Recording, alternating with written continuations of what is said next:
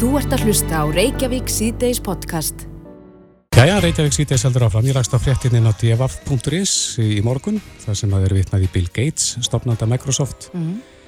En uh, hann segir að uh, á lífsleðinni hefði hann síðan tvær tækniníungar sem hann taldi vera byltingakendar og önnur þeirra er að líta dagsinsljós þess að dagana.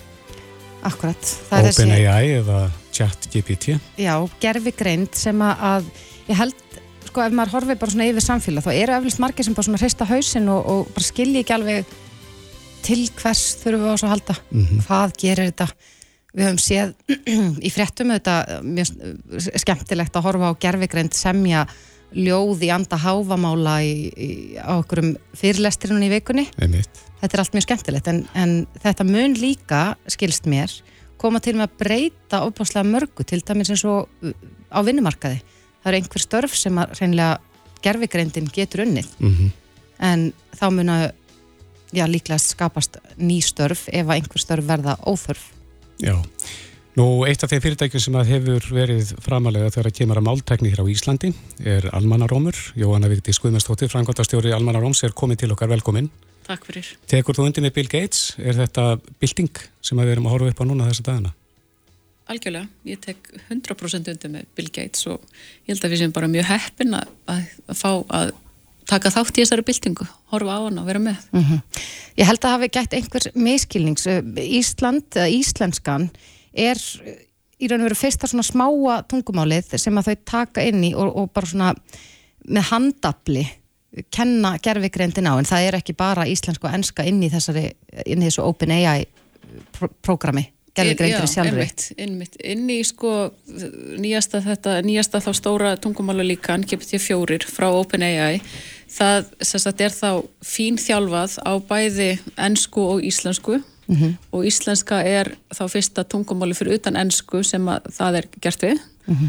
og það er í þeim tilgangi að, og það er það sem við í rauninni seldum OpenAI þegar við fórum þangað með sendinend fósetta síðastlegu vor að, að íslenska kæmi inn í, þeirra sagt, líkan og, og um leið og við varum að bjarga íslenskunni sagt, sjá til þess að það var hægt að nota hana bara í allri tækni, allum tæknilausnum þá fengju þau það að þau getur búið til svolítið svona líkan að því hvernig hægt var að vinna með fleiri tungumálum mm -hmm. og, og þannig að Ísland væri það kannski svona fyrsta Íslenska væri fyrsta tungumáli sem að færi þarna inn í þetta Já. stóra hérna, tungumáli líkan líkan. En, en uh, við höfum talað um það lengi að, að ja, Íslenskan eru þetta þetta er viðkvæmt tungumál vegna þess hver fá við erum og þess vegna þurfum við að viðhalda við þurfum að já, tala íslensku okkar á milli og, og við viljum auðvitað geta að tala við tækin okkar á íslensku vegna þess að það eru rosalega margir færðin að nota öll þessi kerfi Alexa eða Siri eða hvað sem það heitir til þess að bara kveika slökk á ljósin heimi á sig eða láta henni heita pottin með þessari þróun hjá OpenAI og hérna chat GPT, GPT-4 munum við sjá það þegar framleiðast undir? Komist auðvitað miklu nærði og ástæðan fyrir því að við einmitt fórum í þessa máltækni áallun alltaf þá vinnu var til, til að sjá til þess að fólk gæti þá nota íslensku í samskiptum við og í gegnum þessi tæki og þessa tækni. Þannig að ef að við notum tungumálið ekki á öllum sviðum daglegs lífs þá náttúrulega fer tungumálið okkar að láta undan síga ef við þurfum alltaf að nota oftast ennsku, mm -hmm. þá, þá förum við að missa meira og meira niður af þessu tungumáli. Þannig að við komumst klárlega nærði og fólk er farið að nota chat-GPT sem byggjur á þessu stóra málikanni, GPT-4 uh, til þess að sækja sér upplýsingar og ég menna í öllum alls konar tilgangi og þetta er mjög gaglegt og ef að það er bara hægt að gera það á ennsku þá segir það sér sjálft að þá er annað svið þarna komið sem að, sem ennskan leggur undir sig í staðan fyrir að við notum okkar eigið tungumál mm -hmm. og það er ekki bara íslenska, það er fullt af öðrum tungumálum sem eru í hætt Danir líta svo á að danska sé uh, við rauninni lítið tungumál í þessu stóra samhengi sem dæmi Einmitt. En uh, sömu kunna að spyrja, er íslenskan á flókin fyrir svona djærfugrind?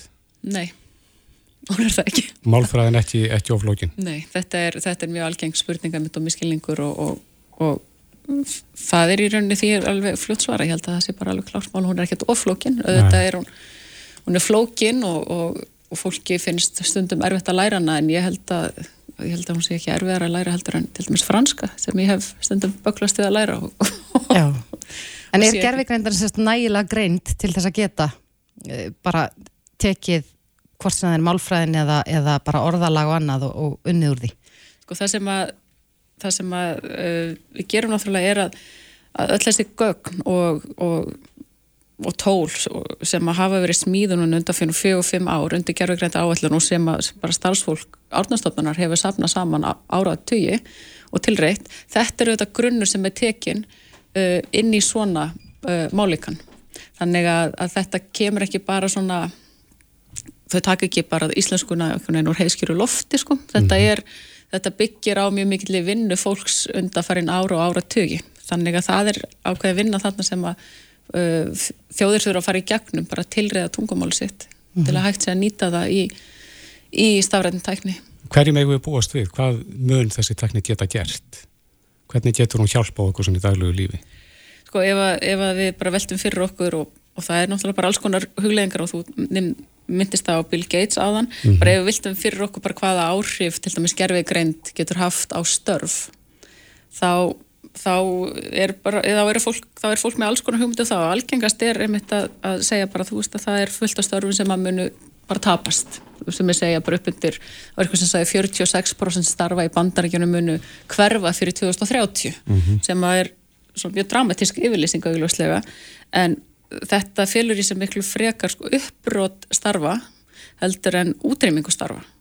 Og og eh, bara eins og hefur gerst með alls konar tæknibildingar hinga til þá verður það í rauninni held ég þannig líka núna að, að þetta gefur fólki uh, rými til þess að vinna þá önnu störf. Það eru mjög líklega svona, svona endurtækningasöm uh, svona svolítið rútinæruðu störf sem að munnu þá frekar hverfa. Og, og þá getur fólk sérhæft sig í öður getur í rauninni þroskað og þróað aðra hæfileika mm -hmm. og eignast aðra möguleika en gerðugrænt virka mjög líklega kannski best þegar bara maður og vél vinna saman og það, eigur, það getur aukið framleiðinni, það getur náttúrulega fríað okkur upp manneskunnar til þess að vinna hraðar, klára ákveðin verkefni hraðar. Eh, það er ekkert endur alltaf þannig að í fyrirtækjum sem fjárfesta í tækni að, að eh, störf hverfi í mjög miklu mæli. Það er verða önnur störf til uh mhm. -huh. og, og fólk, fyrirtæki sem að fjárfesta í tækni það er að fjárfesta í fólki líka. Það þarf alltaf fólk til þess að þróatækni innleðana. Já, ættu allir foreldrar, ungs fólks og jafnvel barna að bara eh, segja börnunum sem að drífa sig að læra eitthvað tækni tengt vegna þess að, að það lítur allt út fyrir það að þetta verði mjög ráðandi í framtíðinni og þá þurfum við þetta fólk sem að kann á tæknina og skilur hana. Það er, er ekkert verra að læra eitthvað tækni tengt og það er alltaf gott að vera góð í starffræði eða eitthvað áleika en það eru er ímist, það er líka ímist starf sem að munu aldrei mögulega bara líklega aldrei koma uh, það sem vélmenn ekkert kom í staðin ég menna sálfræðingar uh, prestar, það er ímislegt annað þannig ég held að það sé mikilvægst að fólk læri það sem maður hefur áhuga á. Já. maður verður alltaf góður í því sem maður hefur mikið áhuga á. Það er svona okkur þumalpötta regla. Uh, sko, Verður, fyrir ekki, verður heimilisleiknirinn okkar gerfugrind í framtíðinni? Sko, gerfugrind á eftir að hjálpa heimilisleiknirinu mjög mikið við til dæmis að greina sjúkdóma einkenni og slíkt Já, og Já. það, er okkur þannig sem að þetta er örgulega bara eitt besta dæmi sem hægt er að taka mm -hmm. að, að þannig ertu með sko, manneskjur sem er að sinna mjög mikilvæg starfi og hefur tæki til þess að finna þá upplýsingar hraðar til þess að nýta veist, þess, þetta matsitt sem mannesku, sem ert læknir og það kemur manneski til því, manneskinu er með ykkur enkenni og hún getur þá, læknir getur þá uh, sett þessi enkenni vantilega inn og, og unnir hraðar úr þessum upplýsingum. Akkurat, þetta er nú eitt af því sem hefur verið svolítið hávart í umræðinu í tengslu við heimilslækna hér á landi að það er orðin svo mikil skriffinska, það er svo mikil svona auka vinna önnur en bara að hitta sjúklinga sem ætti að vera kannski þeirra aðalstarf að, að lækna mm -hmm. en, en öll þessi skriffinska og skilabóð og hitt og þetta uh, tekur svo mikið tíma þannig að það geti gerðvigrindin komið inn og, og hjálpa til. Já, bara öll tækni hún er mitt á að gera okkur lífið léttara og, og hérna gera okkur kleift að, að sinna í rauninu okkur störfum betur.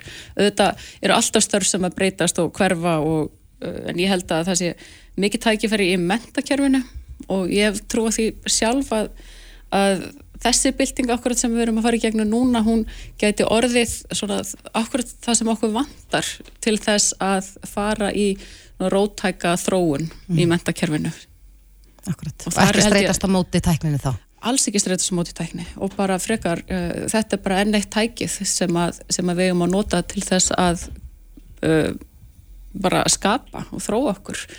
Uh, við erum ekki ég efast um þegar rítvelin kom á sínu tíma, kannski hafa verið ykkur sem voru á móti því að, að krakkar væri að nota rítvel í námi Já. og vildi að myndi skrifa til þess að æfa handskriftina mm -hmm. það getur líka vel verið en það þýðir ekki að, að fólk eigi að hætta að hugsa við þurfum að praktisera gaggrína hugsun uh, uh, gerðugrein búin ekki að hugsa fyrir okkur Nei. og ég held að það sé líka mjög mikilvægt að leggja áherslu á gaggrína hugsun að við, að við uh, horfum á það sem við fáum út úr svona uh, mótili eins og, og tjallgjafi og, og veltiði fyrir okkur uh, er, þetta, er þetta rétt? Við þurfum að, við þurfum að aðtúa það sjálf hvort að, hvort að þessar staðrindi sem við fáum séu, séu réttar. Mm -hmm. það er ekki hægt að taka þetta bara rátt og, og hérna, skilur þessu ekki rái sem breytger til kennarans því það getur að vera í vondum álum þannig að, að við þurfum áfram að nota heilan og ég held, að, ég held að núna þurfum við bara að læra hvernig er best að nota þessa græi Já, Já það eru spennandi tímar framöndan, það má segja það. Jóhanna Vigdís Guðmundsdóttir, frangatastjóri Almanna Róms. Kæra þakki fyrir komina Takk fyrir mig. Þú ert að hlusta á Reykjavík C-Days podcast. Jæja, snúum okkur aðeins að maturumarkaðnum mm -hmm. og verslun í landinu. Það er náttúrulega kreppir að. Já og uh, ég held að, að það finnir nú allir fyrir því, sko allir neytendur finna allavega fyrir hækkunum víða, við erum að, að uh, voru nú bara hérna í gæru þetta að tala um stýrivaksta hækkun og það hefur áhrif á, á húsnæðislánun okkar og fleira. Og, og svo hafa, hefur til dæmis verða matveru hækka mikið. Mm -hmm. en okkur skilst uh, að, að já, jafnvel sé einhver miskilningur eða kannski ekki alveg rétt að beina einungi spjótunum að matveru verslunum Nei, heldur að eru, þetta sé starra. Já, maturverslanir eru svona í fremstu výlinu og taka kannski á sig þínst á höttið en Andrés Magnússon, frangotastjóri samtaka verslunar og þjónustu komin, velkomin. Takk fyrir það. Er þetta rétt sem við heyrum að, að spjótunum sé kannski ekki beint á rétta staði? Já, sko, það er þannig að og búið að vera allt og lengi umræðin um þessar hluti, um þessi mál, meðkílvægu mál, er skökk.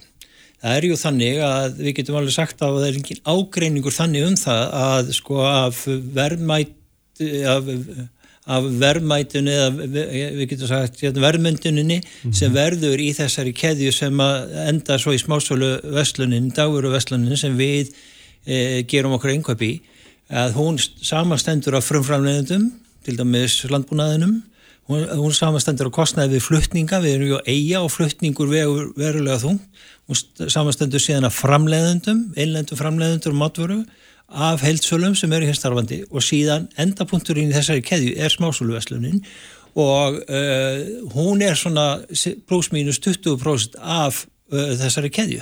Restinn, 80% er þessi uh, liðir sem ég taldi upp.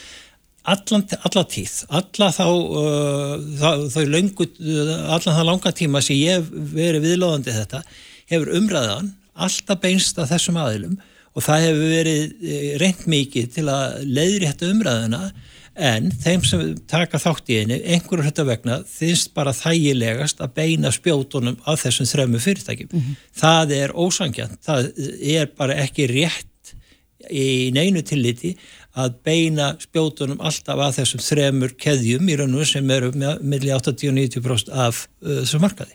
En, en eh, sko, vegna þess að umræðan eru þetta alls konar og, og svo heyrir maður líka sögur, ég heyrði nú af því um daginn að var ungur maður sem alltaf var að kaupa sér lás á hjólið sitt og svo hann vissi að þessi lás hafi kostað x mikið fyrir nokkrum vikum síðan og svo talar hann við, við eh, mannin í verslunni sem segir já þetta er verðbólgan en verðið að hækka um 30% svona sögur þetta hjálpa ekki Það er alltaf, alltaf svona sögur en bara við getum ekki svarað fyrir einstaklega sögur. Nei. Við erum bara að tala um þetta eins og þetta í stóru myndinni og það þarf ekki að hafa mörg orðum það hvernig ástandið er á, á heimsmörkaði á uh, ráðurum til matvararhómlislu.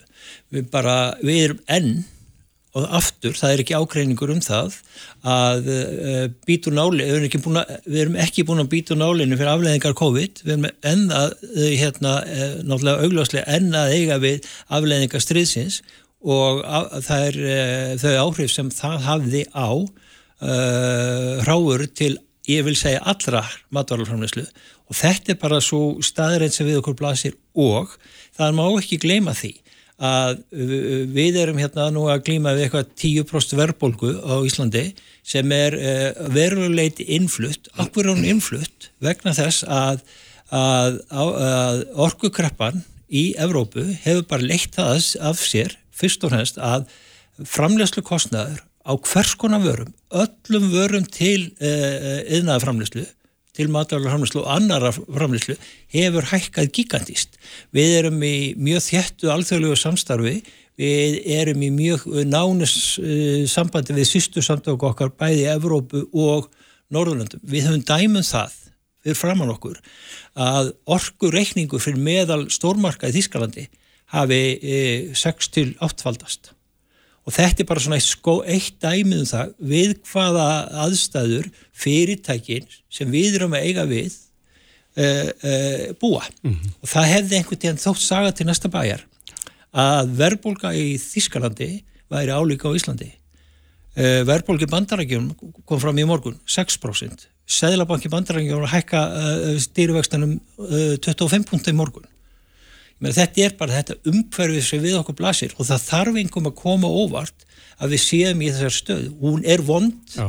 hún er mjög vond og það er bara, eh, það sem er nýtt í þessu, við erum ekki einn með að við í samanbyrju við nákvæmlega land okkar að eiga við þessar stöð. Nei, en eh, eitt af meðlunum sem eru nefnd til þess að ráða niðurlunum verðbólkunar er að halda okkur höndum. Mm -hmm. Við erum ekki að eiða eh, og við eigðum reyndar meira núna í lánin okkar en við erum beðin um að spara við okkur þegar það kemur að ímennskona varningi. Já. Það hefur bein áhrif á uh, því tólk. Ég finn það er bara ekkert nýtt undir sólinni þeim efnum. Afkoma verslunar og afkoma fólksins í landinu, kaupmáttur almengs, helst í hendur. Og þegar að e, vextir e, er orðni svo háir, eins og raunberu vittni, með e, tilhældi áhrifum á kostnað fólks við að borga lánunum sínum, þá hefur það augljóslega áhrif. Það er ju fyrst og næst fólki sem er á þessum enga neyslu markaði sem heldur uppi enga neyslun í landinu sem er þetta dæmi gera fólk á miðjum aldri með uh, 2-3 börn. Það þegar skóin kreppir hjá því fólki, þegar það fólk uh, verður aðstæðan að vegna að uh, draga saman seglin, þá hefur það áhrif á vestlunni landinu. Það er alveg klart. Mm -hmm. Hver er, ef maður sko, lítur á þetta sem einhverja sviðsmyndir, ef við myndum bara öll nú vera ábúrsla hlýðin og halda okkur höndum að eigða minni penning, hvaða áhrif mun það hafa?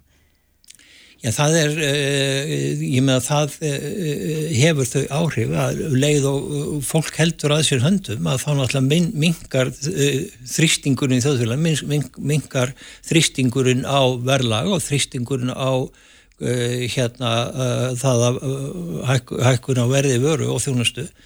En ég held að sko það, það, það sem að Sæðlabankin er núna að kalla eftir raun og veru það er, ég meina, hann er búin að reyna að kalla eftir því að almenningur halda sér handum, hann er búin að reyna að kalla eftir því að stjórnvöld grip inn í. Ég held að það sé bara að vera kall eftir því að það bara veri hægt á til þess að verklega framkvæmdum og slíku, þannig að leið og, og, og, og hægir þar á, þá hefur það keðjuverkun út í samfélagi. Eh, það er, eh, ég, ég get ekki lesið þetta öðru sem að Sælabankin sé hérna búin að kefast upp og notum, notum á þá orða til að kalla á að almenningur halda sér höndum. Uh, í raun og veru sko uh, erfitt að sjá að ríkið hafi einhvern veginn að þau ofinbæra hafi eitthvað brúðust þessu hinga til.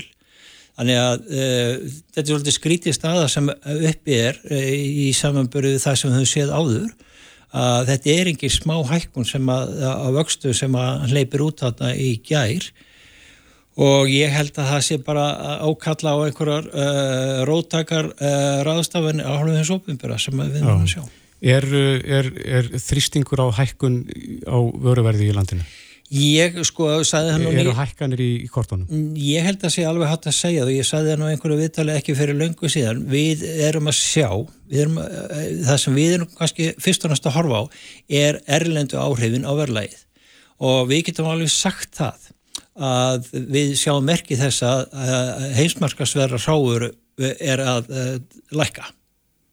það er ekki sami þrýstingur þarfa en svo verðum við að halda því til haga að áhrifin af uh, þessu eru lengi að koma fram það eru, það er náttúrulega ekkit uh, hægt að alhafa neitt en það má ætla alltaf þessu fjóri til sex mánuðir í báður áttir, bæði frá því að þegar hækkanir eiga sér stað þá til það kemur fram við verði við verum hérna heima og öfugt af því að, af því að ég held að sko innflytundur og innflytundur vöru hafa aldrei séð annaðins ára og í fyrra bara ber öllum saman um það í verslun að erlendar hækkanir og tilkynningar frá uh, erlendum byrgjum hafi aldrei verið á því aldrei í sögunni vil ég segja, allavega ekki mjög marga, mörg undanfærin ár verið á, á, á því róli eins og mann sá ég fyrra. Já. En eh, já, vegna þess að vorum nú áðan að tala um hvernig, hvernig umræðan getur verið skökk, mm -hmm. en fyrir almenningi landin að lesa fréttir af, af sko hagnaði og argreðslum og allt þetta, er, erum við bara ekki að skilja þetta nægilega vel? Já, ég meina, sko, ég sko, held að, sko, ef við bara eina okkur umræðina við það sem við erum að tala um hér, sem er dagur og öslunni landinu, mm -hmm. það eru þrú fyrirtæki sem eru uh, með þetta uh, sem bara líkur ofinbært fyrir millir 80-90% markaslöðdelt þar. Tvö þessara fyrirtækja eru skara á markaði. Þannig að uh, hérna, aðgangur að gögnum frá þeim er eins opinn og hægt er.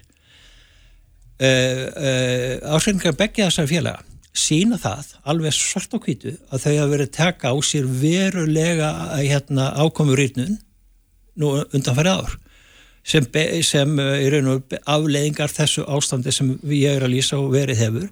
Þannig að það, það er, e, verður lesið út úr uh, eh, ásækningu þessar félaga að þau hafi haldið að sér höndum og, og svo nota sér bara orð, nota sér orð sem er almennt nota ekki hleyft þessum kostnæðarhækunum út í verlaði nema hluta til.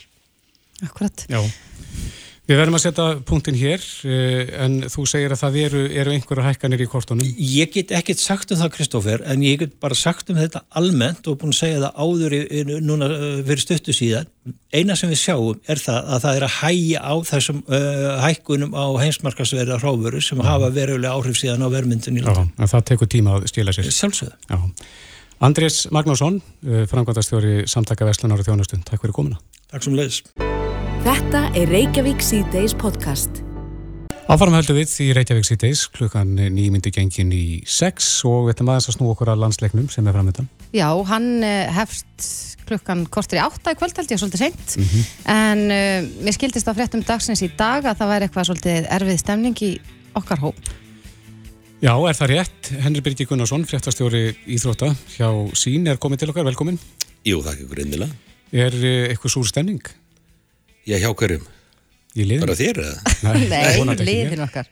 Nei, nei, ég held að sé ekkert uh, súr stemning, ég meina þetta búið að vera á þetta óbúslega erfitt uh, sístu 2-3 ár fyrir landsliði, mm -hmm. mikið gengið á, þetta bæði innan sem uh, auðvitað vallar en nú er liðið að mæta náttúrulega, ég til leiks með nokkur reynd borð, uh, þjálfværi líka, ný undanketni, fullt af möguleikum og í fyrsta skipti svolítið langa tíma er held ég þetta bara að fókusera á fókbóltan og Það er bara komið að því að Arnáð Þór Viðarsson sem er búin að vera, já, mjög umdeldur aðstíðsálvari þurfa að fara að láta verkin tala og hann fær tækifærið þess strax í kvöld. Hann hefur sagt að þetta sé besta liðið sem hann hefur verið með. Erst mm -hmm. þú sammála því? Já, að mörguleiti því að hann eru margir ungir menn. Ísland er með eitt af yngstu byrjunliðum bara Evrópu.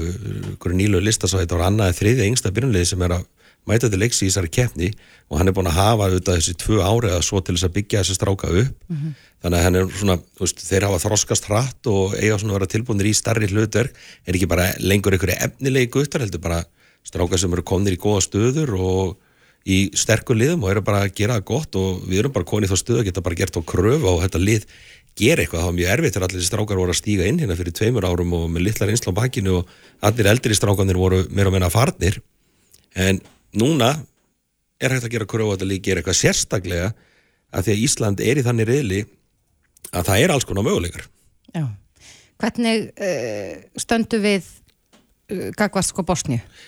Sko svona sagt að einhverju styrkleika listum að öru erum við bara svona nokkur neina á pari í dag við þetta lið. Þetta er lið sem hefur verið að strögla bara alveg sama og Ísland hefur verið að gera uh, upp á síkasti. Það búið að vera aðeins olga líka í kringum þetta lið og það er svona er pressa á þeim að gera einhverja hluti og sko þessi riðill er bara þannig að það er bara eitt yfirbara lið í þessu riðli sem er Portugal. Við getum verið að bara tekið það svona svolítið úr jöfnunni, svo er þetta bara óbúslega jæmt, það er Ísland, það er Bosnia og svo er Slovakia og an, baratunum annarsæti verður á milli þessara þryggja liða, það er alveg 100% og ef að Ísland já, nær sigri í kvöld að þá er liðið búið að opna á alls konar möguleika fyrir framhaldið og það með bara gera að verkum að það verður komið bara jáka stemning aftur í kringum landsliði sem að hefur vantað það er miklu meira undir á þessu leiki kvöld vil ég meina heldur en að svona já, kannski þeir innan landsliðsins vilja meina fyrsti leikur og nóg eftir og bla bla bla það er búið að vera skýta stemning í kringum þetta lið núna í mörg ár og það þýrt að vera í grágötu með það Einmitt. En þú, þú nefnir þetta möguleika sem að opnast á.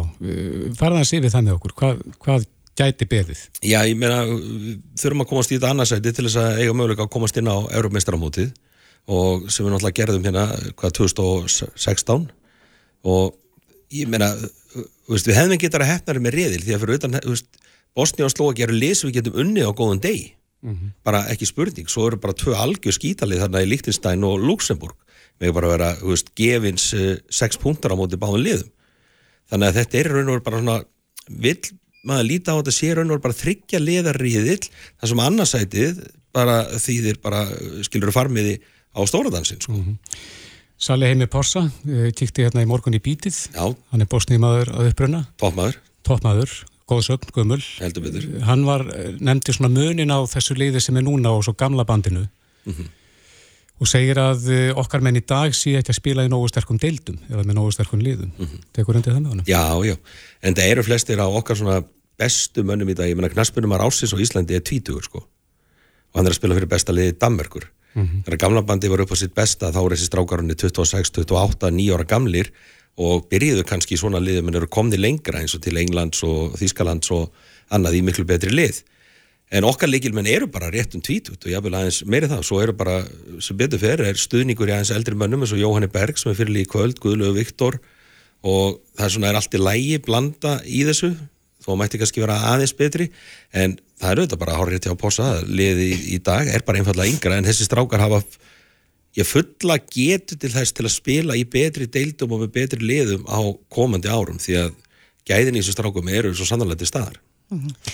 Sko umræðan um, um uh, landsliðið hefur verið ansið neikvæð í svolítið langan tíma, það kom líka upp öll, öll þessi mál með KSI og, og MeToo, hefur þetta áhrif á leikmennina, eru þeir bara algjörlega með laser fókus á boltanum? mm, þeir eru nú flesti viðkjönd það þessi svona sístu tvö ára og sérstaklega svona fyrsta ári eftir allt eftir að skýtur að fóð svona almennilega í viftuna þannig niður í KSI var erfiður. E, veist, það er ekkert þetta einangra sín í einhverjum herbergjum og láta umræðina framhjá sér fara og hann voru ungi strákar að stíga upp og jafnvel að stíga sér fyrstu skrif og auðvitað hafði þetta áhrif. Meina, þeir væri ekki mannlegar, þetta hefði ekki haft áhrif á þá en nú náttúrulega hefur mikið breyst á þessum tveimur árum með þessu og nú bara eru þeir í umhverja sem geta verið að einbytta sér á fótboltanum og, og það er engar afsakanir og ef kannski bara lítið tilbaka þá kannski verður þetta bara þessu valdandi að þetta styrki menn. Unga menn sem hafa gengið í gerðum kannski erfiða tíma og erfið verkefni og, og krefjandi aðstæður þegar þeir eru að hefja sinn feril. Eh, alvöru karakterar, það styrki þannig menn. Einmitt. Það getur hver haft sína skoðan á því hvernig liðið er að vera skipað.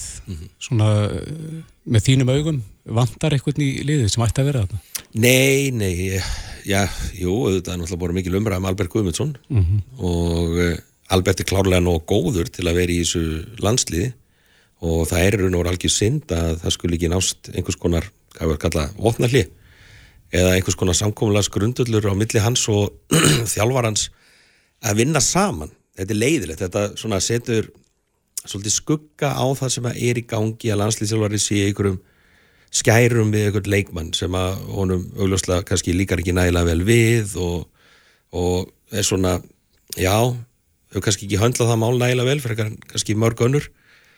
Og en að öðru leiti erum við bara með okkar besta lið og það sem við eigum í höndunum uh, hverju sinni. En minna það að vera líka þjálfari það kalla bara á sterkar uh, og svo oft erfi, erfiðar ákvarðanir. Við sáum Guðjón Þórðarsson þegar hann var þjálfari hérna á sín tíma hann hendi Guðna Bergsinni sem var einn besti knastbyrnumar Íslands á þeim tíma út úr liðinu af því að hann var ekki ánaður með það sem að Guðni var að koma með attitúti í honum og hvað hann var ekki tilbúin að fórna. Sko þjálfari stendur á felli með einverkum og ef þjálfari telur eitthvað leikmaður hendi ekki hópin af einhverjum einhverjum ástæð, þá á hann bara að vera heiðalegu með það. Ég kannski sakna þessi á Arnari hann kannski hafi ekki, ef maður svona upplifið það hann sé kannski ekki endilega nægilega heiðalegur með ástæður þess að hann er ekki að velja leikmann, þú bara fílar ekki einhvern mann og hvernig attitútið honum er í þá bara segir það. Já. og bara segir þú ert bara að bæta þitt ráð ekki fara með þetta út á söður Nei. það er hluta því að vera sterkur karakter og þjálfari er að þóra að taka ákvarðanir þóra að segja frá þeim og standa með þeim. Þannig að þín skilabóð til Arnars er að hætta talandur rós. Já, það er alltaf margir í því, algjörlega óþólandi bara segðu bara satt. Rétt að lokum, hvernig fyrir leikurinn? Þetta er sko, þetta er algjört spurningamerki. Þetta er bara, sko, það er komin aðeins stemning fyrir þess, það er góð stemning held ég á liðinu. Getan er til staðar en ah, eitthvað staðar aftast í nakkanum er eitthvað að þetta búið að ganga svo illa. Að ég hef maður svona komið smá von að ég ætla að fá maður þetta ekki í andlitið og ég ætla að segja 2-2 jættabli í skemmtilegu leiks Er þetta fyrir leikurinn af tveimur eða? Nei, þetta er bara fyrsti leikurinn í riðlinum. Þess að spilum heima og heimann og öll þessi fimm lið sem er riðlinum. -hmm. og þetta er bara leikur nummer eitt í keppninni þannig að við munum að fá bósnýmenn hérna síðan heim en þetta, sko, þessu undakeri klárast á þessu ári, ofta er þetta alveg um tvö ár. Já. þannig að þetta er bara mjög stránt ár og þetta bara þrjústíði kvöld, eitt stíð var frábært þrjústíði var meira áttur Vonum að við fáum gott start í kvöld. Halleluja Henri Birgir Gunnarsson, frettastjóri Íþrótta hjá sín Takk fyrir kominu og góða skemmtun í kvöld. Miklu frekar. Þetta er Reykjavík C-Days podcast Við höldum áfram hér í Reykjavík síðdeis og ætlum núna að ræða um uh, rafbissur. Þær hafa verið mikið uh, til umræðu mm -hmm. upp á síkasti eftir að Jón Gunnarsson, dómsmálar á þeirra, tilkynnti það að, að, að það skildi rafbissu væða laurugluna. Um, í fréttum í gær kom fram að undirbúningurinn væri hafinn en það hefur verið svona mikið rætt um það að, að þessi ákvörðin sem að þykir ansi stór mm -hmm. Dómsmálar á þeirra tekur þessa ákverðun sjálfur án samræðs við ríkistjórnina og uh, margir hafa sett út á það meðal annars umbóðsmaður alþingi sem saði þetta ekki vera góða stjórnsíslu ef ég mann rétt Einmitt. en hún er sest hjá okkur Artís Anna Kristina Dóttir Gunnarsdóttir Þingmaður Pírata, kom til sæl Kom til sæl Já, Þú áttir eitthvað orðastafið fósættisáður í gærum þessi mál? Uh, já, við höfum svolítið verið að uh, reyna að fá svör við því hvað til dæmis fósættisra á þeirra finnst um þetta mm -hmm. það er uh, kannski svolítið vond hvernig þeirra hefur bröðist við þessu má, í þessu máli og öðrum eins og það er svolítið eins og í Ísæri ríkistjórn þá finnist þeim þau bara hvert ber ábyrða sínum verkefnum og eins og það komið þeim ekki alveg við hvað, hvað sé í gangi hjá hinnum en uh, eins og þetta álit umbósmanns alþingis sínir og og hann reyndur orðar að þannig, hann talar um verkstjórnar og samhæfingar hlutverk fósættisráð þeirra þá hefði maður kannski átt vona öðru viðbröðum frá fósættisráð þeirra, ég, ég játa það mm -hmm. Hver voru hennar svör fyrir ekki? Svör hennar voru á þá leið, í fyrsta leið þá segir hún þetta að hún sé á þeirri skoðun að þetta sé nógu stórt mál til þess að það hafi verið tilefni til þess að ræða það í ríkistjórn líkt og þessi 17. grein stjórnaskrárunar í rauninni hverður áum mm -hmm en á sama tíma segir hún í rauninni að það sé hvers ráð þeirra að meta það. Mm -hmm. og, og dómsmálar á þeirra hefur náttúrulega komið ítrekka fram og sagt að, að hún finnst þetta bara ekki ekkert vera stór mál og það hefði ekki turt að ræða þetta neitt áður sem er nota beni í svolítið drásu við það sem hann segir í rauninni áður en þetta gerist. Í haust sko þá ítrekka talar hann um stóra breytingar og áherslu breytingar sem hann ætlar að gera sem að verði umdeildar meðal annars varðandi vopnabölu lauruglu þannig að hann virðist alveg fyrirfram gera sér grein fyrir því að þetta sé stór mál, þetta er ekki eitthvað sem er eðlilegt að afgreða með reglugjara breytingu en svo gerir hann það samt. Og þetta bara vekur upp mjög miklar áökjur mm -hmm. En sko umbásmaður alþingis sko fyrir þá sem að bara uh, þekkja kannski ekki alveg hans hlutverk, mm -hmm. hans hlutverk er að, að, að veita ykkur aðhald Í rauninni er umbúsmar alþingis á vegum alþingis og á að veita ríkistjórninni aðhald. Einmitt, og eins og segir, auðvitað, ég skil vel að það, fólk skil ekki alltaf hvað maður er að tala um, en, og það, þetta er í rauninni mjög relevant þessari, í þessari umræðu. Við erum með þrískiptingu ríkisvalds hérna, sem er bara, við erum með alþingi sem setur reglurnar, ráþuranna, ríkistjórnina, sem að fer eftir reglunum, fer framfylgir reglunum, sér um framkvæmdina og svo erum við domstóla sem skera úrum þegar uppkymur ágreiningur. Umbósmar alþingis, eh, hún var komið á fyrir alveg núna einhverjum áratugum síðan þó að ég mun eftir því var mikil uh, bót og í rauninni sinnir eftirlit slutverki alþingis með framkvæmdavaldinu. En hefur, haf, hefur þetta álit hans þar sem að hann, já, í raun og veru segir að þetta samræmist ekki kröfum um vandaða stjórnsýslæti. Hefur já. þetta eitthvað gildi eða, eða hægt að bara halda áfram? Umbúsmar alþingis hefur ekki í rauninni, sko það er ekki, hans álit er ekki bindandi mm -hmm.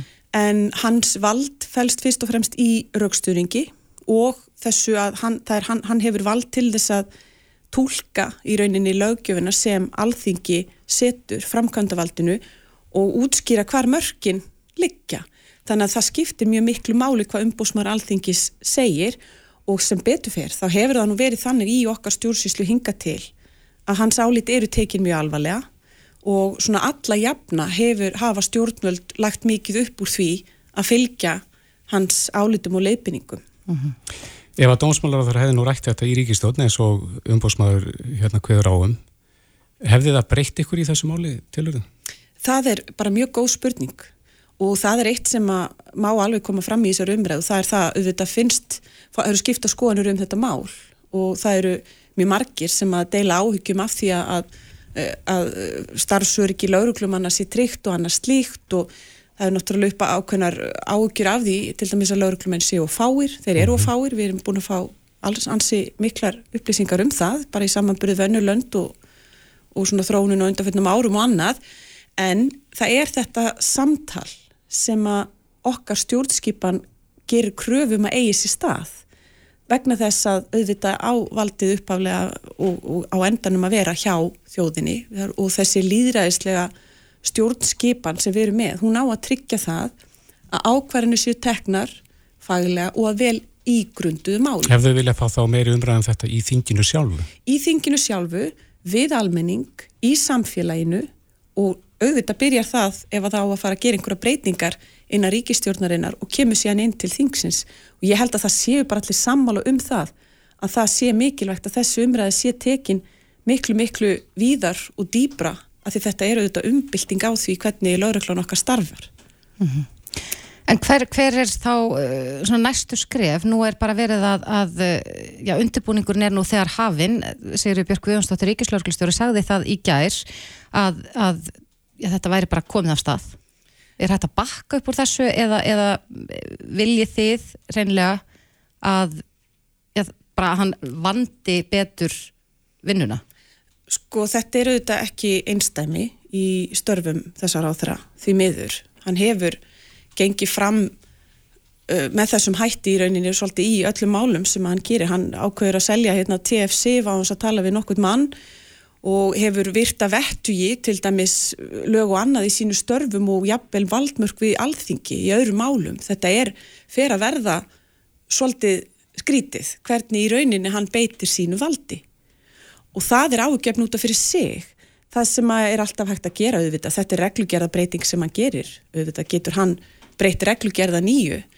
En kannski ekki líklegt að hann gerir það sérstaklega ekki vegna þess hvernig hann svarar að spurður, við vorum líka með fyrirspurn til hans á þinginu í dag og það er í rauninni bara ber hann ennfastar í borði og segir nei ég ætla að gera þetta sama hvað hverjum finnst. Og þar er ágefni að fósættisráð þeirra skuli ekki stíga fastar niðurfæti og stíga inn í þetta.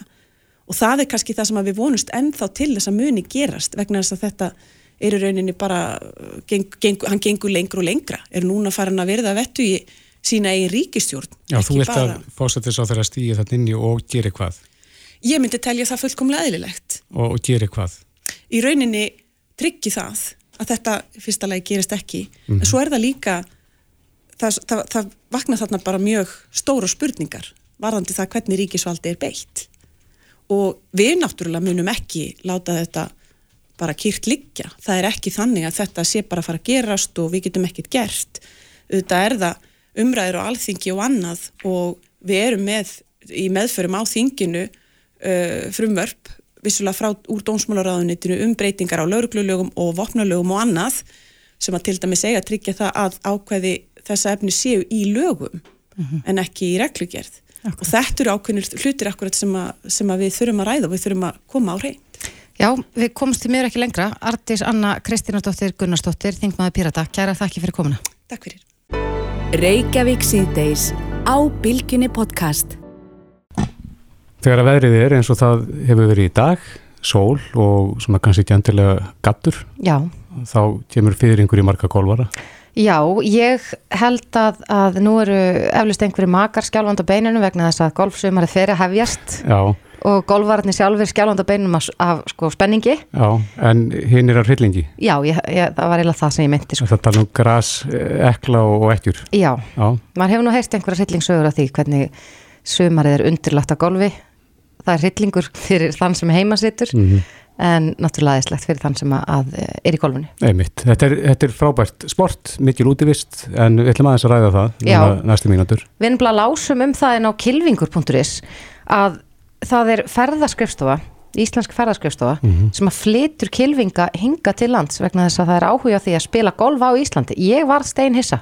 Já, Ég myndi ekki halda að, að sko, já, íslenskar aðstæður væru eitthvað heitlandi fyrir erlenda golfara. ertu þá að tala um hitastíð eða Já, eitthvað annað? bara vindinn og Já, þú veist, íslenska sumarið eða hvað, 12 gráður meðaltali. já, svona um það bil. Já, það er ekki mikið um stupuksur þar. Nei, en hann er komið til okkar, Árni Hallgrímsson, frangotastjóri Atlantic Golf Travel eða AGT, velkomin. Já, takk fyrir það. Takk fyrir Ég er markaði fyrir uh, golfara að flytja þá inn.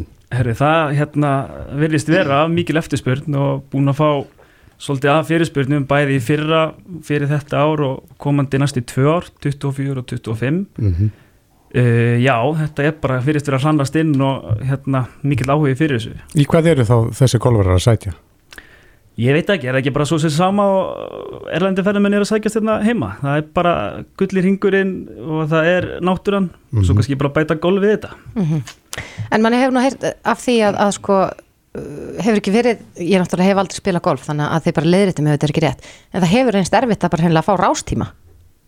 Fyrir Já, það er búin að vera náttúrulega bara golfæði, sérstaklega svona eftir að COVID byrjaði, Já, eins og bara eins og margt annað, þá fór bara, veist, fjöldi yfkenda bara alveg skyrocket, sko, mm og þetta er alveg, já, það er setið yfir þessu, setið yfir ástímunum og það er bara átt um það. en hvernig þá fyrir fólk sem að þú flyttu til landsins Já. að fá tíma?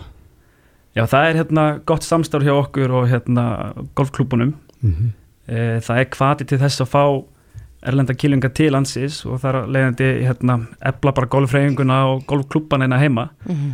e, þetta er nýr markkópur og þetta er bara eitthvað sem við erum að reyna að fanga meira.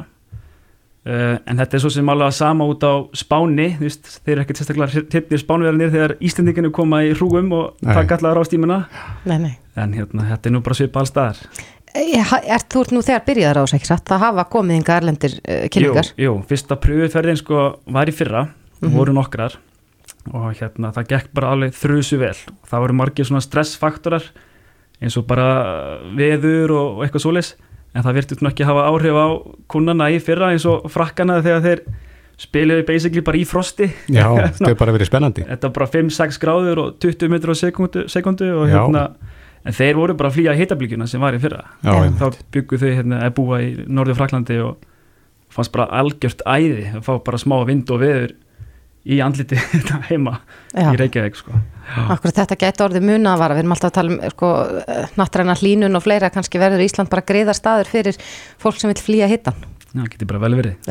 En, en hvers, þú, þú talar um frakka, hvers lenskir eru þeir sem er að koma hinga og vilja spila golf? Þetta eru mestmægnis uh, bandrækjumenn Mm. og svo hef, hef ég verið að stíla svolítið á bretana líka og svo hérna smá Vestur-Európu, Þískaland og Östuríki og, og hérna Svislendinga aðala Mhm. en það eru konar fyrir spurning frá Suðukóru, Indlandi uh, Serbíu og alls konar löndu sko. mm Mhm. það er bara reyna bara að koma inn og sjá hvað, sjá hvað gerist taka bara það En uh, hvaða velli er mest spennand að sína þessu fólki?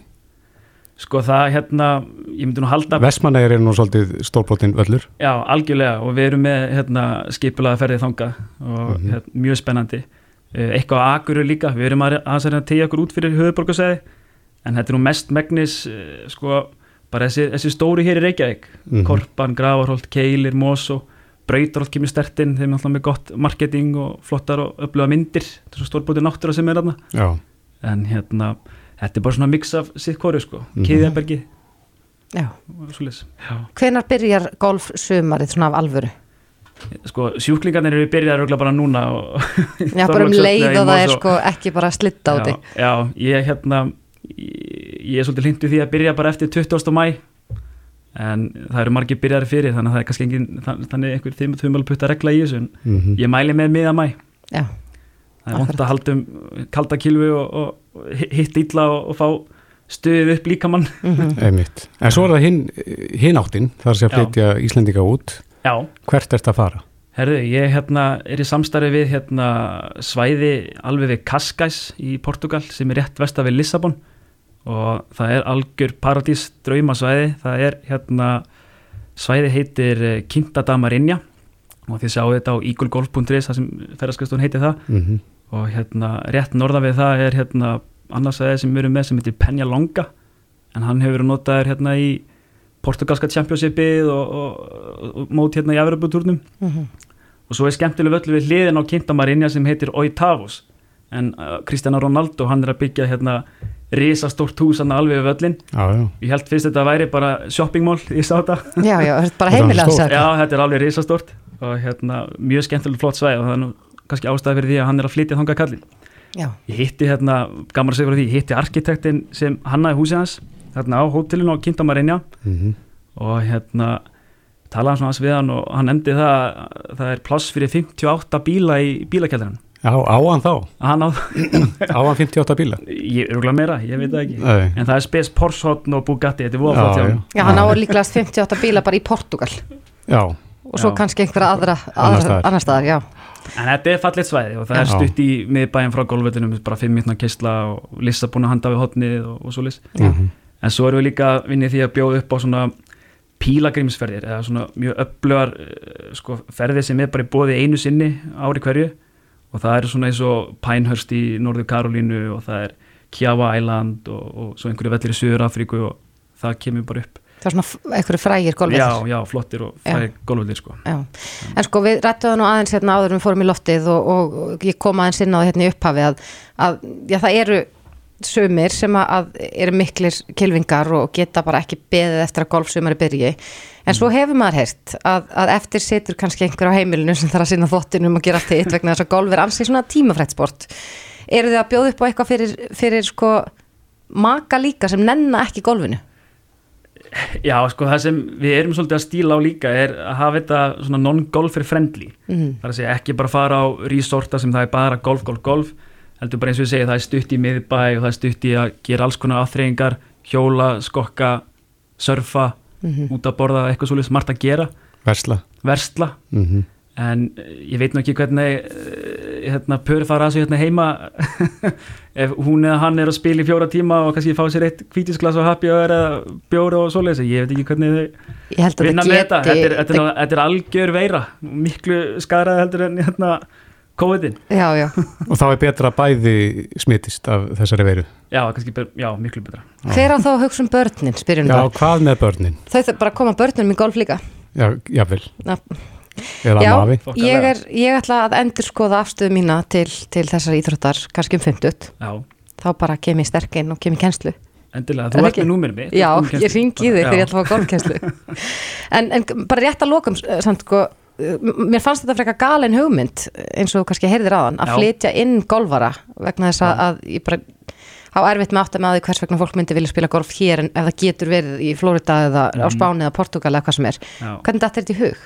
Uh, þetta var búin að, ég var búin að hugsa þetta lengi frá því ég var ungur og svo flutti ég hérna út til Sviss í nám og svo fór ég í starfsnám til hérna Colorado og maður talaði við fólki og eignast vinni og það kom alltaf upp að ég var í golfari frá Íslandi og þau skildi nú ekkert í því. Mm en þannig til ég síndi þeim myndir og, og myndbönd og svoleiðis þá fa- voru þau alveg að meist Já, og hérna og sögðu voru alveg til að spila og, og svo því ég eignaði svona golfara vini úti og fór að spila hans með þeim hérna í bandarækjunum og það voru orðið mjög áhersamur og vildu bara actually koma og ég skal bara, já, ég skal bara smíða ferð fyrir þeim, ekkert mál Var það náttúran sem að heitlaði? já, Mhm. bara þú veist eins og gerir fyrir aðra ferðum en held ég sko Já. og hérna en af hverju vil eh, fólki koma hinga það er nú, þú veist, eh, kannski út af því að þau eru vön að spila velli sem við erum kannski að sækjast eftir úti veðrið og, og svoleiðis en þau kannski vilja bara eitthvað nýtt Mhm. vilja eitthvað sem þetta er í rauninni þetta er glæð nýtt fyrir um heiminn. Ekki mörg H3 hér til dæmis. Það er ekki mörg 3 hér, en það er hins vegar mosi og svona. Já, og raun. og raun, já, þokkalega. Akkurat. Það er ekki mörg um golföldum. Já, við segjum bara gangið vel. Árni Hallgrímsson, frangotastjóri Atlantic eh, Golf Travel, eða AGT. Takk kærlega fyrir komina. Takk fyrir að fá mig. Takk, takk. Hlustaðu hvena sem er á Reykjavík C-Days podcast. Það er alltaf gaman að hugað heimilisbókaldinu, kannski minna gaman núna. Misgaman? Mi, já, misgaman. Mm -hmm. Ekki jafn skemmtilegt núna, við erum auðvitað búin að vera að tala svolítið um stýrvæsta hækkun og, og svo eru, já, hækkanir víða, eða hvert sem maður lítur. Það bara -hmm. er orðið dýrara að sennilega vera til. En þá er gott að rýna þessi í heimilisbókaldi og sjá hvort að maður eigi jafnvel meiri peninga maður heldur. Já. Ég held það sem er bara hægt. Ekki glataði að tapa því? Nei. Því sem er þarna einhver staðar? Akkurat. Um, fyrir jólinn kom út bók sem heitir Viltu finna miljón mm -hmm. og hún er sest hjá okkur Hrefna Björk Sveristóttir, einn af höfundum bókarnar. Komdu sæl og blessuð. Já, sæl og blessuð.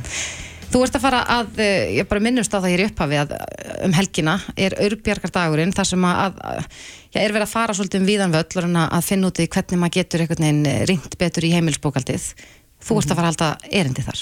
Já, það passar. Ég ætla að koma þar fram og reyna svona að gefa fólki kannski góð ráð þegar kemur að því að taka fjármálina eins í gegn hérna, heim, heimilsbókaldi, eins og segir. Því að oft eru við uh, að eigða peningum í óþarfa sem við kannski gerum okkur ekki alveg grein fyrir eða erum ekki kannski nógu dugleg bara reynd og beint að skoða fjármálinn okkar. Þannig að það er kannski enn mér ástæða núna til þess að forgangsur eða rétt? Já, ég myndi halda það. Það finna náttúrulega allir fyrir þessum hækkunum sem hafa orðið undarfærið og, og fólk talar oft um það einmitt þegar það fer út í búð og fær áfalli hvert sinn sem það fyllir pókan.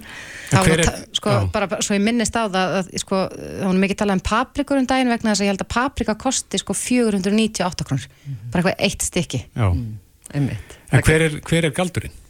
Herðu, galdurinn er, e, þetta, þetta, það eru auðvitað til, það eru margir galdrar, margir litlir, litlir galdrar. Mm -hmm. Ég vildi óska þess að ég geti komið hérna og geði þér eitt alveg bara super gott ráð sem myndi alveg koma hérna öllu í blú, blúsandi plúsiðar. Mm -hmm. e, en sannleikurinn er sá að við erum, e, það má kannski segja að það sé ákveðin galdur, galdur fólkinni því að þekka sjálfum sig. Uh, við erum mjög ólík þegar kemur að hegðun og, og hérna, hvernig neytendur við erum og við erum bara mjög ólík í grunninn, bara í DNA-ið mm -hmm. hvernig við í rauninni umgöngumst peninga og horfum á peninga og þar alveg endur förum með þá þetta er mjög mikilvægt í upphæfi að fara eins að skoða sjálfan sig sem við komum með mitt inn á í, í bókinni og kynnast aðeins sjálfum sér sem neytanda uh, af því að það virkar ekki allt fyrir alla sagt, hérna, það er eitt fyrir alla og uh, bara svona að ég tek bara eitthvað létt dæmi segjum sem svo að þú viljir uh, bara minka uh, útgjöldinnin í mataninn kaupum mm -hmm. það, hérna áfram að þá geti virkað fyrir mig að hugsa herðu, eitt dag í viku ætla ég bara ekki að eða neinu í matin bara, mm -hmm. hérna, e, bara e ekki neinu peningum í mat á meðan þú, það myndi alls ekki virka fyrir þig. Þú getur þurft að fara þá leið að segja, herðu, nei, ég þarf að hérna, skamta mér viku pening og búa til matseðil eftir því. Mm -hmm. á meðan við að, aðrir þurfa hreinlega bara að kippa út dýrum hlutum og svo framvegis. Já. þannig að hérna, það eru auðvitað bara fjölmarkar leiðir til þess að fara og spara pening á, á hinnum ymsum vikstöðum en ég myndi segja svona kannski gott fyrsta skrif verða eins og bara að prófa sér áfram og finna hvað virkar, þetta pínur svo að fara kannski í ræktina, veist, það virkar ofta ekkert í fyrstu tilraun og þú þarfst kannski að vera hérna, prófa ímislegt mm -hmm. þannig að kynast aðeins sjálfum sér sem neytanda og fara eins að spá í því hvernig maður virkar og hvað virkar fyrir þig til þess að taka þessu málgæf mm -hmm. Sko, í bókin eru hundrað ráð til þess að spara, ekki satt? Jú, mun fleiri Mun fleiri? Já, Já ok, þannig við greinilega eftir að læra margt, en, en heldur þú að sé algengt vegna þess að þú, ég tala um það að við eigum kannski meiri peninga en við vitum mm -hmm. er það algengt að fólk uh, kannski eigði meiru þegar það öðlast meira að það bara, í raun og veru að þú færð allt í einhver smá auka pening að þá gera það bara verkum að þú bara eigðir aðeins meiru í staðin fyrir að fólk sé að leggja fyrir og, Já, og... það er mjög, mjög algengt og ég held að það sé líka bara mjög algengt með Íslandika, við erum svolítið sérna, sérstakinn neytendur að til leiti, við erum frekar kvatvís mm -hmm. Og við erum rosalega fljót virðist vera að taka kaupákvarðinir á meðan aðrar þjóðir eru kannski lengur. Þú veist, þeir ætla að kaupa sér ískap og þeir vita það með kannski jafnvel ársfyrirvara. Þeir eru búin að gera einhverja ákveðna skoðun á því, bera saman verð og slíkt og fara síðan að kaupan, býða jafnvel eftir einhverjum svona tilbúðstöðum yfir málinu svolítið Já, smá tíma. hugsa, melda mm -hmm. við erum svolítið bara, herðu, bara þú veist, ískapurinn, að hann er ekki alveg nóg góður eða hann er ekki nóg fallegur og við svolítið svona hlaupum til og, og, og kaupum hlutina svolítið í flíti, kannski Já. án þess að kanna málinn betur eða eins og ég segi býða eftir afsláttadöfum eða eitthvað slíkt. Þannig að kvatvísi og peningar eiga ekki vel saman. Þeir eiga mjög illa saman. Það er hérna alveg bannvæn blanda myndi ég segja. En hver, hvaða ráð er fyrir fólk sem er svona kvatvist bara að eðlisfara eins og segir, við erum bara rosalega ólík. En ef að, að, að tökum einhvern sem dæmi sem er bara gríðarlega kvatvist og bara þetta þarf að gerast núna eða aldrei Já, ég hef það með mér það sjálf persónulega að hugsa þegar ég er úti, og, lá- úti í búð og mér langar í eitthvað og sérstaklega kannski þegar kemur að fata innkaupum að þegar maður á stundum til að kaupa eitthvað hérna, sem maður langar í án þess að hugsa sér mikið um hvort að mann er vanti raunverulega flíkina sko, að hugsa mig um og segja sko, fyrsta lagi vantar mig þetta eða langar mig þetta? Og ef að mér langar í þetta en vantar þetta ekki þá ætla ég að segja, er þau ok, ég ætla að býða á þessu en mér langar í þetta eftir þrjá daga þá ætla ég að kaupa þetta og í 90% tilfella, ef ekki meira þá er ég bara búin að steingleima því sem ég var að horfa á í búðinni þannig að þetta til dæmis virkar mjög vel fyrir mig Já. þannig að hérna, þetta er eitt svona gott ráð Já. ég heyrði nú einu svona mjög skemmtilega sögu af konu sem að kefti sér skópar og vildi ekki viðkenna fyrir magasínum að það keft enn eitt skóparið. Nú faldi það í bílskurnum, nokkrum árum setna komu skórnir í ljós, hún hafði sjálf glemt þeim. Já, einmitt, Það er svona mjög gott dæmi um, um í, svona kaupum. einmitt, þetta er alveg svona ekta Já, þetta er gott ráð, lumar á fleirum. uh, Varðandi kvatvísina eða bara svona Já, yfir höfuð svona gott sparnaðaráð. Já, sko, þú veist, þetta er eins og ég sagði í byrjun, þetta, er, þetta snýst mjög mikið um að hérna, þakka sjálfan sig og þetta líka bara að komast á rót vandans, þú veist, fara í gegnum fjármálinn sín og skoða þau, við gefum leiðir í bókinni þar sem þú getur, hérna, sem sagt, hvernig þú getur rent í gegnum öll fjármálinn og tekið það eins í gegn. Og þá sérðu líka rosalega fljótt, herðu betur vandamál mitt er það, að ég reyða alltaf miklu í föt eða ég reyða alltaf miklu út að borða eða ég reyða mikið ferðalög eða jafnvel auðvitað getur það stundu verið bara að vandamálið þetta er að tekjurnar eru reynilega ekki nógu miklar Mhm. Uh, og þá erum við líka með ráð við því en hérna Áskriftir hér og þar. áskriftir hér og þar sem er sannlega að missa sín. Oft erum við að borga allt og mikið í tryggingar, við erum að borga söm tryggingarnar á mörgum stöðum. Uh, oft erum við bara mjög hrætt við að leita okkur tilbúða betri tilbúða eða, eða, eða löt við það. Og það er alveg til hérna manneskur sem að reynlega bara hræðast peninga og, hérna, og að horfast í augu við það og eiga bara mjög erfitt með að taka þessi máli gegn Eigum við að prúta í verslunum? Uh, sko það er, þegar það, þið eruð að kaupa stór innkaup, þú veist, þegar það er verið að kaupa rúm eða ískapa eða eitthvað svona stærri innkaup, þá er bara ekkert að því að spurja hvort að það sé veittur afsláttur. Og oft er svari já, en sem sagt persónuleikin okkar í rauninni við erum mjög hrætt við það af því að okkur finnst astnalegt og okkur finnst við líta út fyrir að vera kannski nísk eða eitthvað skrítin að byggja um það. En í rauninni hvað er það versta sem gerist far bara nei og þá er það bara þannig og það er ekkert mál. En þegar kemur að þú veist tryggingum og jafnvel ef þeir eru með stóran fjarskiptapakka eða eitthvað slíkt algjörlega vera óhrætt við en byggja um að aðtöga hvort það geti gert eitthvað betur fyrir ykkur. Og það er bara mjög oft í mjög mörgum tilvikum hægt að gera betur. Já, en ég held að þetta sé, sko, kannski ekki sér íslenskt vandamál þetta með prúttið, en þetta þekkist þetta í, í lang flestum löndum og fólk bara prúttar hvert sem það fer nánast. En þetta er einhvern veginn ekki í okkar menningu að vera að byggjum afslætti nema kannski einhverja staðgreislu afslætti hérna í gamla daga. mm það, Þannig er, að, að við er, erum svolítið hrætt við þetta. það verðist vera, við séum svolítið hrætt en ég myndi segja bara fólk á bara að láta vaða og það versta sem gerist er að það fær nei, og getur kannski byrjaði líka að prófa að fara á svona stað sem það er kannski algengara eins og í kólaportið og æfa sig. Er þið í bókinni eitthvað að ráðleggja fólki hvernig hægt er að spara líka vegna þess að, að þetta er nú kannski ekki besta vaksta umhverju til þess að vera að leggja peningarna inn á banka en, en eh, eru það að gefa góð ráð hvað það var það? Já, við erum að gefa góð ráð hvað varðar að spara og svo erum við að gefa sem sagt bókin skiptist í rauninni líka upp í mjög marga kapla sem við erum að taka fyrir til dæmis í bara matvöru í einu kaplanum, heilsu, allt sem tekist heilsu og hvernig getur sparað þar, börn er eitt kapli, tómstundir er annar kapli, þannig við erum að taka svona eiginlega allar uh, þrif til dæmis, ferðalög, uh, samgöngur, þannig við erum að taka svona flest allt það sem snertir á henni daglega lífi og gefa góð ráð um það hvernig þú getur minka kostnað í þessum. Og þar að leiðandi ertu náttúrulega að spara uh, pening og við viljum meina það að þú getur fundið, flestir geta fundið mjög mikið pening Á stuttum tíma. Já, á, eða, já, það verður eftir hversu duglegur þú ert, sko. En hérna, ef þú, ef þú, þetta er svolítið eins og ég sagði á, áðan, ef þú ferði líka, eins og að ferði líka sett, ef þú ert duglegur í rættinni, þá uppskerur rætt, en ef, ef þú ert hlattu við að mæta og gerist það hægar. Akkurat. Já. Já, ég held að það sé ekki því að ræða þetta vegna þess að við, við vitum það að það kreppir víða að en Hrefna Björk Sveristóttir, einn af höfundum bókarnar Viltu finna miljón. Takk kærlega fyrir komuna. Takk sem leiðis. Reykjavík síðdeis á Bilginni podcast.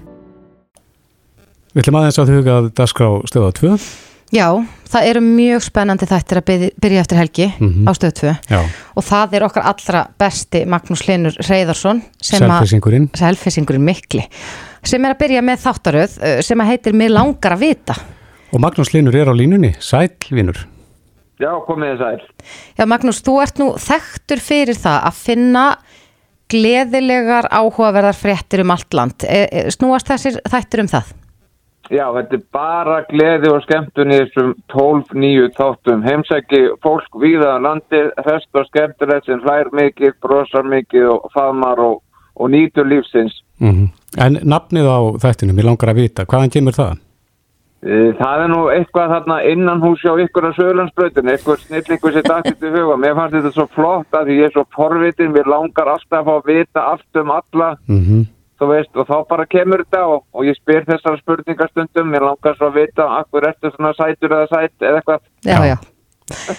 En eh, Magnús Linur, er þessi forvitni það sem að, að svona ítt á eftir þér að fara í fréttamennskunni? Ég held að það sé nú varla hægt að vera fréttamaður aðeins að vera svolítið forvitin. Já, það er nákvæmlega það sko, líka bara samskipti við fólk, jákvæð samskipti, hitta skemmtilegt fólk, fá að vita hvað er að gera. Þannig að daginn fór ég að tenni rífið með fjölskyldinu í tíu daga, en ég hitti svo mikið af fólk að ég gerði fimm frétti fyrir stötu. Já, það eru fimm frétti til í þessari ferð. Já, Já. það eru, eru farnar út í loftið. Já. Já.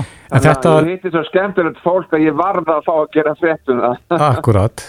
En uh, það eru tólf þættir framöndina þetta í fyrstu aðrennu. Jó, tólfættir öll núna næstu mándaskvöld, fyrsti þátturinn fyrir loftið mándaskvöldi 27. mars strax eftir frettir á Íslandi dag og, og, og það allt saman og síðan bara tólf mándaskvöld þar á eftir. Ertu búin að ákveða hvað þú ætlar að tala um? Já, það er búið að klippa þetta meira minna allt og ganga frá. Til dæmis í fyrsta þættinum þá heimsæki ég elsta Ísletingin, Þórildi Magnúsdóttir sem er 105 ára gömul og býr í höfuborginni. Já. Og hún er svo hress að hún dansar á hverjum degi, hún skreppur á fjórfjór, hún fyrir út að skokka, hún varleita sig og verður algjör pæja, sex barna móðir. Já. Hún er 105 ára gömul, eða ekki? Jú, hún er elst allra Íslitinga og ég er vissum að það hlýtur að rugglast eitthvað fæðingavottar en að ég haldum að vera kannski 40 48 ára. Já, já, já. Já, þessi kona er ansið merkileg, það verður gaman að fá að kynnast henni betur, en, en ertu ekki svolítið á ferð og flugjum allt land? Jú, ég til dæmis fór á Akureyri og eitti degi með Óskari Péturssoni, Áltagerðis bróður, hann er náttúrulega stórgóttluðu karakter. Hann með bílavekstaði á Akureyri, það er hans aðal vinna, ég fór að vekstaði með honum og svo fór ég í jarðaförum með honum af því að hann hefur sungið í fjögur þúsund jarðaförum, takk fyrir. Það er ekkert annað. Já, hann syngur oft í þremur jarðaförum á einum degi, hann er svo vinsætt. Já. Já. Þetta verður alveg öruglega skemmtilegt og, og það er, já, kannski ekki vanþörf á því aðeins að, að, að létta umræðina og tala um skemmtilega og áhugaverða Íslendinga. Við erum alltaf að tala um stýrivægsta hækkanir og, og volæði. Já, mér finnst það einmitt og það er það sem ég er að horfa á. Og ég til dæmis heimsæki risa lækna fjölskyldu, pappin er læknir, þrjár dætur, þreir teindasinir og sonurinn er doktor í erðafræði, íslenska erðafræðingu. Já. Er fólk duglegt að hafa samband við og benda þér á skemmtilega hluti? Já, mjög duglegt og, og svo er ég náttúrulega bara alltaf vakandi út um allt og er að, að, spjalla svo mikið, mikið fólk og þá kom upp ans, ansik margar hugmyndir og talandu þetta þá er ég bara núna strax eftir páska að fara að taka upp í sko 12 nýja þætti viðbót. Já. Undir þessu sama heitið, ertu bara að byrja með enn eina þáttaröðina? Nei, nei, bara undir þessi sama heiti, bara halda áfram það sem frá var horfið, horfið og þeir þættir verða að fara í síningu strax eftir næstu áramót. Já. Þannig ég er komin langan list af skemmtilegu fólki sem ég ætla að hitta og ef er með eitthvað skemmtilega hugmyndir þá má alltaf senda mér línu á Messengers á Facebook. Akkurat. Já, Magnús Linnur, við verðum við viðtækin á mánudagskvöld þegar fyrsti þátturinn fyrir loftið og erum bara gríðilega spennt fyrir því. Takk kærlega fyrir þetta, Magnús Linnur Reyðarsson. Kæra þakkir. Og þá ætlum við að fara að skipta þér á fréttina. Þú þarft að drífa því í Ísland í dag. Já, ég þarf að, að taka sprettin hérna niður á Nordica. Við verðum í beitni útsendingu með Ísland í dag þaðan. Já, hvað ætlaði að bjóða upp á í kvöld? Við ætlum að fara yfir það helst sem við gerst í vikun og erum að fá til okkar uh, Viktoria Hermannsdóttur Mhm. sem vann tvö edduverlum síðust helgi. Meðal annars fyrir frábæru heimildamyndina, uh, já heimildamyndina, velkomin Árni Einmitt. sem við höfum talað um hér áður. Og svo ætlar bara eiginmaður hennar, uh, Sóli Hólm. Fylgir með í kaupunum? Hann fylgir með og við ætlum að fara um víðan völl og við kíkjum aðeins í heimsótt til Eithórs Inga líka, þannig að það verður mikil skemmtun. Frábært.